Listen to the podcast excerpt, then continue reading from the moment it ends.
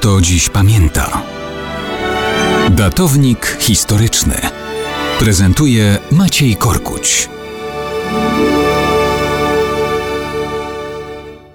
Mało kto dziś pamięta, że 9 marca 1926 roku zmarł baron Bliss. Dobroczyńca szczodry, tajemniczy i do bólu spontaniczny. Dzisiaj całe państwo świętuje dzień jego imienia. To państwo to Belize, czyli dawny Honduras brytyjski. Oficjalnie uzyskał on niepodległość na podstawie rezolucji ONZ w 1981 roku. Nowe państwo w Ameryce Środkowej nie miało ochoty przyłączyć się do Gwatemali, która parła w tym kierunku. Wolało pozostać w brytyjskiej wspólnocie narodów, a nawet utrzymać brytyjskie bazy wojskowe.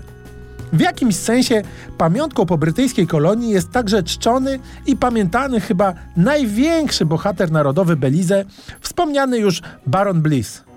No, trochę dziwny z niego baron, ale tak funkcjonował i tak przeszedł do historii. Urodził się w angielskim miasteczku Marlow w 1869 roku. Nazywał się tak naprawdę Henry Edward de Barretto. Uznawał się za barona w ślad za swoim ojcem. W czasie I wojny światowej zmienił nazwisko na Bliss.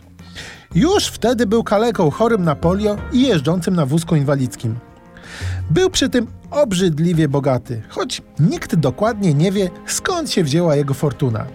Mimo choroby był aktywny, uwielbiał podróżować jachtem. Na zaproszenie przyjaciela trafił do brytyjskiego Hondurasu. Był rok 1926. Baron Bliss czuł się coraz gorzej.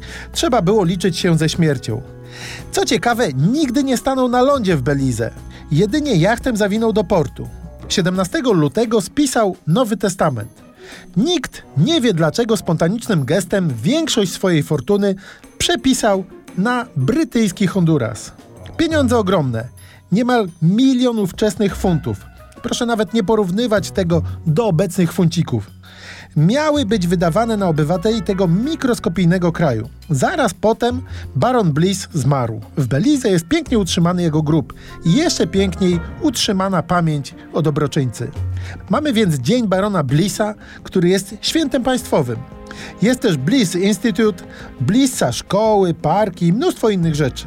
Bo mieszkańcy Belize doskonale rozumieją, że warto pamiętać o dobroczyńcy tajemniczym, szczodrym i do bólu spontanicznym.